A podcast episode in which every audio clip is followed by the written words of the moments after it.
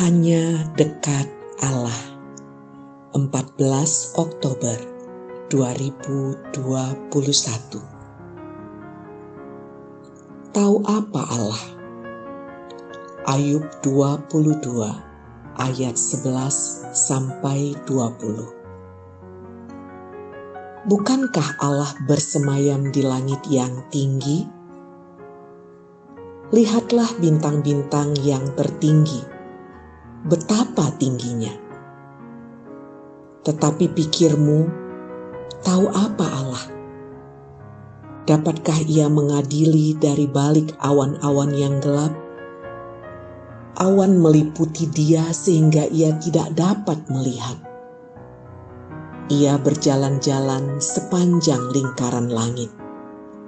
Ayub 22 ayat 12 sampai 14.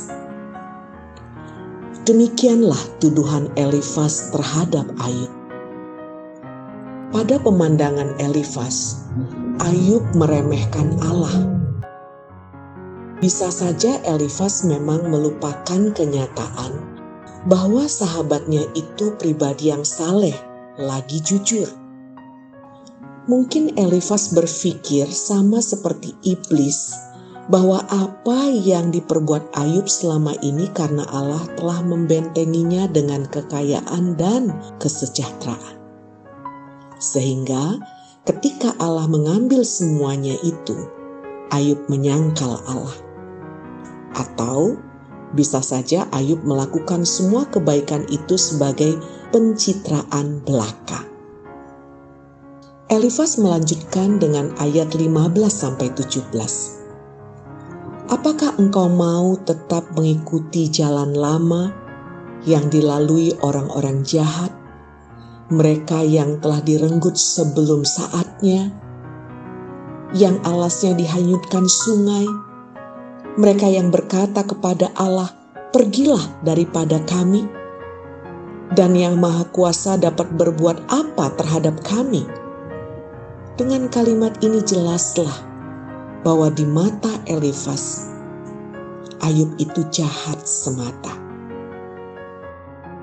Dan Elifas mengajak Ayub untuk bertobat, meninggalkan jalan lamanya.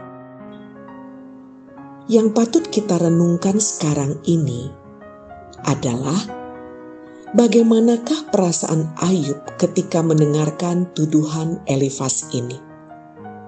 Mungkin Ayub marah bisa jadi dia sedih. Yang pasti, dia kecewa. Salam semangat dari kami, literatur perkantas nasional.